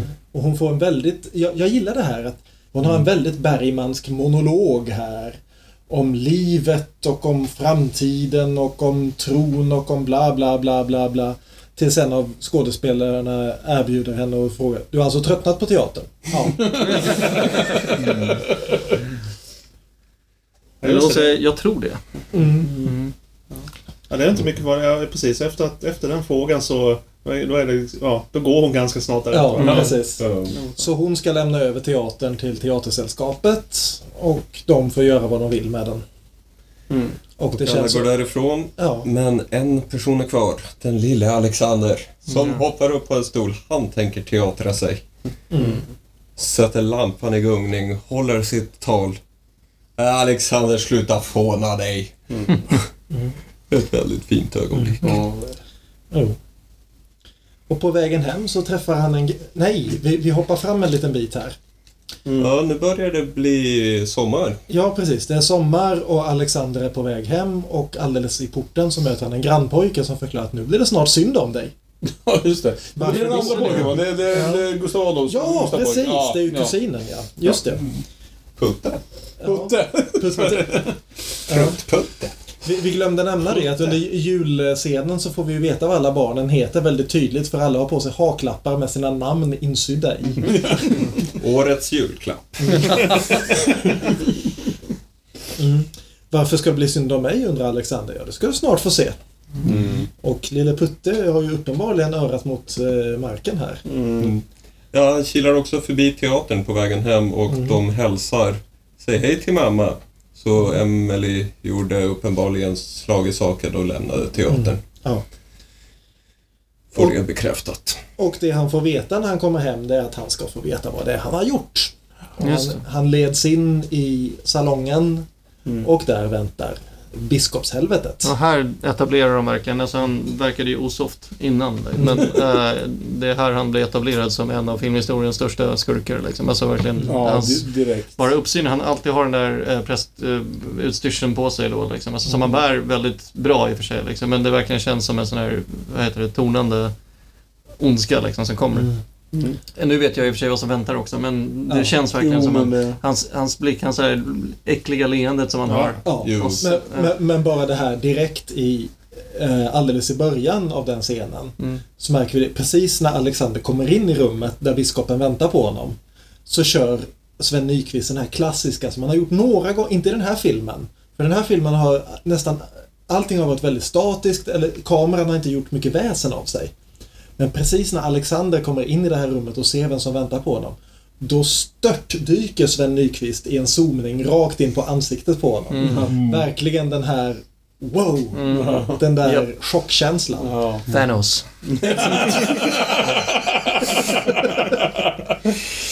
Mm. Biskop Thanos förklarar då att nu är du nästan vuxen Alexander, så jag ska tala med dig som en vuxen. Vet du vad det är att tala sanning? Och då kommer den där som hänger sig kvar från när jag såg filmen för jätte, för 10 plus år sedan. Just det där. Varför ljuger man Alexander? Bara- Biskopsjäveln. Ja, verkligen. Ja. Mm. Jo, man har en nästan liksom fysisk reaktion på honom. Han är så jävla bra på att spela jävlig här. Ja. Jarl Malmsjö, redan innan vi egentligen vet precis hur jävlig han är. För han är liksom, han klappar honom om huvudet men han klappar honom för hårt hela tiden. Så det nästan snarare ser ut att göra ont än att vara vänligt. Han liksom har... Han pratar ju liksom någonstans tekniskt sett vänligt men med en sån ton och en sån, ja... Och den här knacken, när, när, när, när eh, Alexander satt sig bredvid honom i soffan och han fortsätter prata till honom och knackar i, Ja, i den. sidan av Just det. huvudet. Knackar honom, knackar i huvudet hela tiden. alla, Ja. man ser alltid fingret hänga liksom, så att det känns som att handen blir en egen liten ond karaktär som hänger liksom bredvid Alexander och liksom... Dyrt, dyrt, Ja, dyrt, dyrt. så när man hör replikerna så är det alltid handen som... Ja. Om den osynliga handen är ond, så tänk hur ond den synliga handen är. Men, men just det här att eh, han förväntar sig då att Alexander ska ge ett svar på den här frågan. Och första svaret Alexander ger är att man ljuger för att man inte vill tala sanning. Det. Och sen efter att biskopen har varit lite passiv aggressiv en stund till och knackat på honom lite mera så säger han att man ljuger för att vinna en fördel. Och vad är det då Alexander har ljugit om? Jo, han har hittat på en historia för sina eh, skolkamrater. Att mamma ska sälja honom till en cirkus när terminen är slut. Och mitt i den här jävligt jobbiga scenen så är ju hans historia och framförallt hur Eva Fröling lägger fram den blir ju liksom jävligt roligt mitt i det hela. Och detalj, detaljerna... Detaljerna är ju det som visar att han är sin fars son. Alltså verkligen, han, han kan berätta en historia. Eh, och det är ju det som är så fascinerande, denna skådespelerska med, med liksom, som har varit, som är änka till en teaterdirektör, som nu är förbannad över att deras son berättar en historia. Ja. Men där, Precis. Och, och, och just att eh, Jan Malmsjö avslutar den här scenen också, Biskopshelvetet, med att försöka vara den här som slätar över och den här gode fadersgestalten. Och förklarar att fantasin är en fantastisk gåva som Gud har givit oss. Eh, Den förvaltas för vår räkning av de stora konstnärerna, diktarna, musikerna. Och en väldigt tydlig blick på Alexander som betyder du hör inte dit. Ge fan i det där. Men jag tycker det var en intressant kontrast bara med första, när, när du tänker på alla saker som händer under julfirandet i första avsnittet, där du kan tänka att det här hade kunnat spåra ur i Total Bergman, så är det ju, ehm, så blir det ju det här, där du har saker som skulle lika gärna kunna vändas om till en rolig historia om att Al- äh, Alexander hittar på det här. Men det blir verkligen Total Bergman här. När det, verkligen, ehm, det var en intressant, för det hade kunnat lika gärna bara vara haha, sa du det? Varför det? Ja, ja, nej, precis. Men det, så blir det inte, utan det blir Ja, men om, gravallvarligt. om, om hans faktiska far hade levt hade ju han behandlat det så. Ja, ja. Jag tyckte han hade ja, hanterat samma situation, så som vi lärde känna honom liksom. Men hanterar, eh, hanterar Alexanders mamma situationen på det där sättet just för att hon har ihop det med eh, Det tror jag absolut. biskopsjäveln? Ja, det tror jag Om inte han hade funnits i bilden så hade det inte varit en stor grej. Det Precis. tror jag. För det är ju bomben som de släpper nu. Mm. Nämligen att de kallar in Fanny också i rummet och så förklarar eh, Emily att eh, jag, har gift, jag ska gifta mig med biskopen. Mm. Just Och det. biskopen viskar lite. Är det inte dags att tala med Ja, barnen? just det. Som att det är lite kul historia. Good times, good times. Ja. Och när då biskopen, som alla plastpappor gör, befaller ner familjen på knä för att be för deras lilla familj. Så tilla, tittar Alexander ut i hallen och vem står där och väntar? Jo, det är vålnaden av, av hans far. Mm. Jo. Japp. Och Jag undrar om inte den här historien om att i småskolan berätta att man blivit såld till cirkus. Jag undrar om inte Bergman brukar sälja det som en av hans egna bedrifter från barndomen. Sen om han hittade på den fi- filmen och tyckte att "Ja, men det där kanske jag ska säga att jag själv gjorde. Eller om han faktiskt gjorde det kan man ju aldrig vara så säker på med den gode Ingmar. Återigen att det inte skulle vara självbiografiskt. Ja. Mm. Jag läste början på Laterna Magica några veckor sedan och varenda liten historia, ja den filmen. Ja. Man undrar ju, hittar du på det här nu? Hur Tar du ur filmerna? Var kommer varifrån? För nu kommer vi i alla fall till Biskopsgården. Ja. Ja. Och nu är vi plötsligt i en hel... För vi har alltså gått från den här enormt gyttriga röda och svarta lägenheten till en biskopsgård från 1400-talet. Mm. Som vi får veta är specifikt byggd för att inmana stränghet. Och det är alltså, jag menar jag såg den här filmen. Det är möjligt att jag såg den när den gick på TV 82. Det vore konstigt om jag inte hade sett den därför att den gick ju på bästa sändningstid och jag var ju nio bast ändå. Så det, De, de visade den direkt alltså. Jag, vet, jag är lite Ja. osäker på hur den visades i, i Eh, början. men, så- men jag har i alla fall sett den någon gång när jag var antagligen för ung för att se den. Gick Och- den inte på bio först och sen TV? Jag, jag vet faktiskt inte, men, men jag har i alla fall sett den någon gång på TV när jag var för ung för att förstå den. Och just de här bilderna från Biskopsgården, de har jag haft som mardröm ända sedan dess. Just de här kala vita väggarna som verkligen ser ut som ett fängelse. Och just att Bergman kastar oss direkt från den här lägenheten in i det här. Jag menar, vi har sett kala vita kalkade rum förut i Bergman. Många gånger.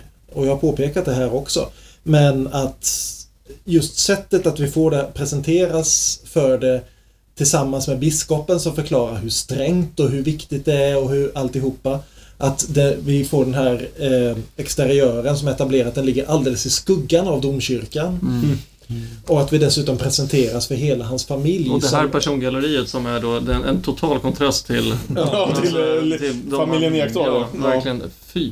Ja. Precis, de, de är verkligen liksom Mirrorverse-versionerna av Mm. familjen Ekdahl. Det, man, man saknar bara det lilla bockskägget på alla. Jag såg, jag såg, jag såg det avsnittet av Star Trek idag på tåget!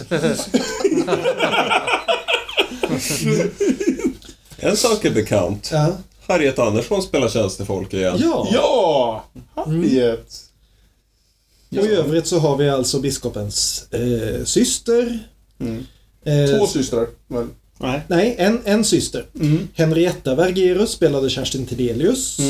Vi har biskopens mor, Blenda, spelad av Mariana Minoff.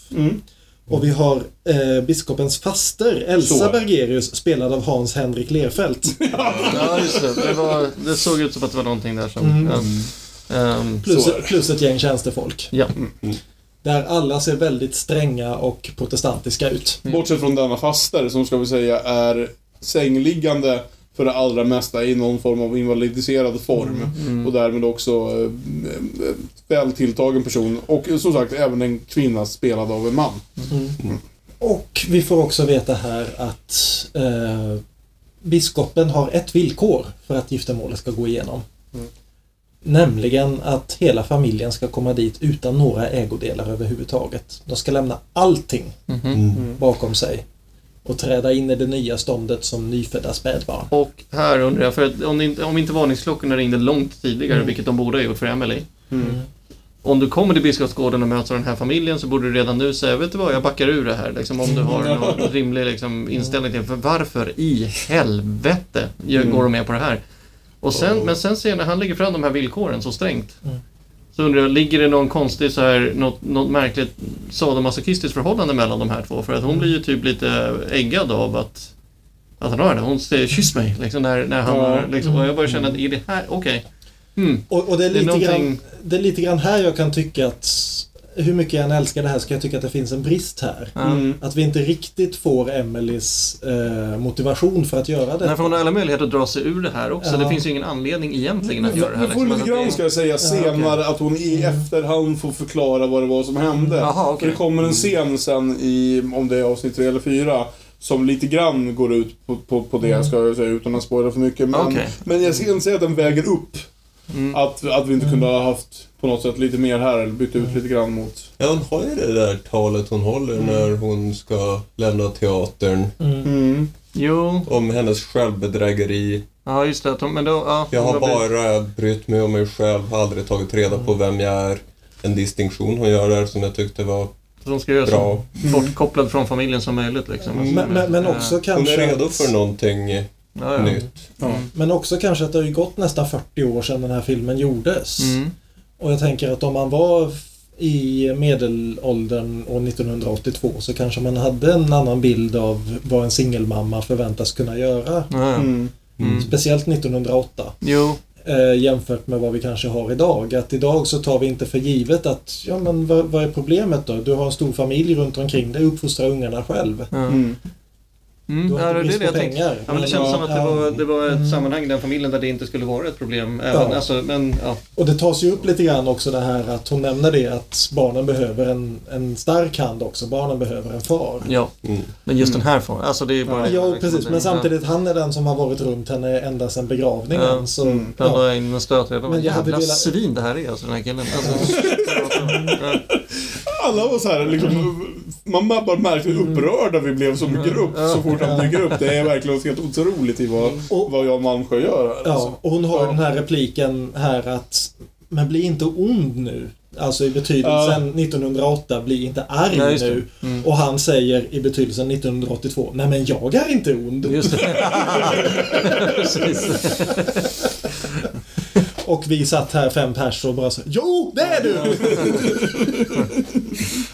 Ja, just det, hennes... Eh, ja, det är väl där omkring hennes, hennes Mm. eh, repliker också om, om att hon, hon, hon... Där hon säger att hon vet att liksom, det här kommer... Det här kommer gissningsvis att gå, gå illa. De kommer Ja, göra ja. varandra illa. Mm. Men... Eh, men, men, men, ja. Eh, men det är någonting som hon ger sig in i. Det är någonting som verkar tilltala henne. Och säger vi kommer att göra varandra illa, vi kommer att göra varandra gott. Det här kommer att vara ett riktigt liv borta från de lögner som hon tidigare Ja. har tyckt sig leva igenom. Mm. Så hon är redo för att leva på riktigt. För nu är det vigsel. Vi, vi höll på att säga bröllop, men ett bröllop eh, En glad tillställning. antyder att det är en glad tillställning med en fest. Som vi ser i scenen där Alexander ruttnar fullständigt på alltihopa och bara går ut och kastar sig på bordet Det är stora så jävla bra. Så finns det inte ens någon mat framställd på den här vigseln. Eh, alltså... Det är den mest förståeliga reaktionen av en karaktär. Ja, Ja. De är där i farmors lägenhet och ja, en liten ceremoni. Det är väl lite, jag funderar lite rent generellt på den här ibland på, alla de vuxna skådespelarna är så otroligt fantastiska den här att det blir lite svårt ibland för barnskådespelarna att kanske leva upp till det. Men eh, han Bertil Gue är ju kanske framförallt fantastisk tycker jag i sina fysiska reaktioner på saker och ting. Alltså bättre när han kanske inte har just repliker, men just sådana här saker när han gömmer sig undan hos farmor istället för att våga gå fram till sin döende far eller när han slängs på bordet här och sådär. Eh, Så är han ju fantastisk. Ja. Och vi ska ju, nä- det är ju intressant ändå liksom att det här är ju första filmen Bergman har gjort med en barnskådis i huvudrollen sen eh, Tystnaden. Ja. Och, men framförallt så tycker jag den här scenen är intressant för att vi får ju bekräftat här att familjen Ekdal är ju inte borta ur leken än. Nej. Eh, man kunde tänka sig det annars kanske att nu, för det är ju ändå liksom, det är ju deras son som har dött. Att nu går eh, hans fru vidare. Men de liksom, farmor och bröderna här gör tydligt att de vill vara kvar i, i barnens liv. Mm. De tycker om Emily, de tycker om Fanny, de tycker om Alexander och de tänker inte bara släppa dem. Nej. Nej. Och när vi ser eh, den nya familjeenheten vandra iväg så tittar farmor genom fönstret. Jag har en känsla att vi får tillbaka våran Emily ganska snart. Mm. God, I hope so. För sen klipper vi ju till middag i Biskopsgården. Jämför den här med liksom alla matstunder vi såg i det Ekdalska hemmet. Ja. Alltså, ja. Något som jag kanske får lov att berätta är att vi morgontid är här i huset. Såväl vardag som söndag. Klockan sex samlas vi till morgonbön i Edvards arbetsrum. Jag vill också nämna att vi bäddar våra sängar och städar våra rum själva. I det här huset härskar punktlighet, renlighet och ordning. Bli inte förskräckta nu barnsmå. Min dotter menar inte så illa som det kanske låter. I början tar vi allt från den skämtsamma sidan. Och den här leendet också från alla de här märkliga blickarna, alltså uppsynerna från alla de här eh, vad heter det, medlemmarna i den här nya familjen. Mm. De här uppspärrade ögonen och ett leende som är så påklistrat att det, ja, nej då, det är inte alls så här. En Bergerus passiv aggression. lovar, dyrt och heligt. Det här blir kul! Ja. Det här blir kul! Och det ska bli så trevligt och eh, Mm. leva eh, ordning och reda liksom. Att, att, att ta sin plikt Just på det, allvar precis. ska bli som en lek. Ja, ja. Det var som Mary Poppins från helvetet verkligen. Liksom. Den här systern Henrietta är ju Alltså, underbart Ja, dramatisk. hon är fantastisk. Ja. Hon är så fantastisk att jag, när jag ser den skådespelerskan tror jag att jag har sett henne i mer saker bara för att hon är så jävla... Hon finns så fast i mitt huvud, men det har jag inte. Jag känner inte till alls vem den här skådespelerskan är särskilt väl. Men det är bara att den här rollen sitter där som ett jävla klister. Alltså hon är så fantastiskt jävla avskyvärd. Ja, och hon ska Ja. instruera barnen och Emily ger minsta mothugg och hon där ah, Ja, det är inte lätt att inse att man blivit överflödig. Men, men då kliver hennes mor in också och backar upp henne. Och, Och hennes mor som ser lite ut som demonkvinnan i ansikte mot ansikte. Ja. Det, det här är en ond person, ser man direkt. Vad jag, jag, vad jag tänkte på, eller en sak jag tänkte på i den scenen var jag uppskattar ehm, Eva, Eva Fröding. Jag uppskattar Mm. Emily. Alltså, ja. Ja. dels Mm. Emily som karaktär lite extra mycket men också Eva Fröling lite Mm. extra mycket i den scenen. För att även om hon nu har försatt sina ungar i den här situationen så tar hon dem ändå i försvar. Mm. Det är inte Hon så gör att- det direkt. Ja. Mm. Och det är inte så att hon liksom bara lämnar barnen i den här nya, liksom, i, i biskopsjäveln och hans eh, Mm. familjs händer helt och hållet. Utan hon, eh, ja, hon, ja precis, hon, hon tar dem i försvar i alla fall. Och det, Absolut. det När de börjar prata om plikten direkt är hon där. Ursäkta, men det är jag som uppfostrar mina barn. Thank you very much. Men, men också hur tydligt scenen gör det att, att hon är lite naiv här. Ja. Att vi som tittare fattar direkt att jo, du har frånsagt dig rätten Mm. att säga till hur dina barn ska uppfostras. Mm. Nu har du liksom gått in i en ny familj här. Det här är inte några glada, eh, fulla skådespelarfamiljer. Utan det här är en väldigt sträng biskopsfamilj där alla är emot dig. Mm. Och alla har redan avskrivit dig och gått över på dina barn. Det, det är lite sektkänsla i det här. Liksom, Mm, absolut. Att, ja, Mm. Du kan eh, hjärntvätta barn väldigt mycket lättare än du hjärntvättar vuxna människor. Nej, men eh, vi är väl nästan framme vid avslutningen här och det finns en till väldigt stark scen som är i barnkammaren just när Mm. Fanny och Alexander ska gå och lägga sig. Och vi ska m- säga också att barnen i det här huset går och lägger sig.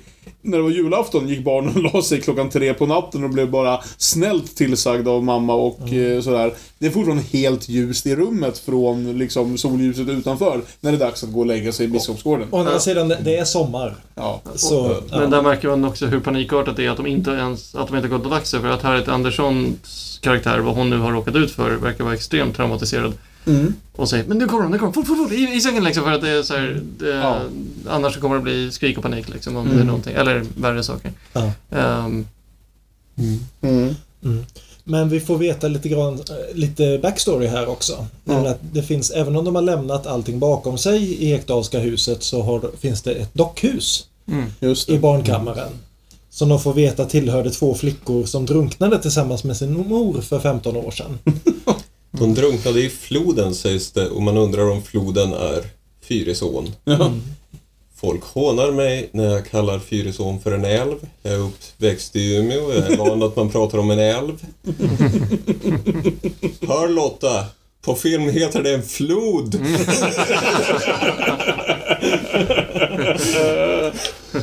Nej, det är, det är kanske den mest oroande så här backstory man kan tänka sig. Vet ni att det brukade bo två små barn med en mor i det här huset och de dog allesammans. Så man bara, japp.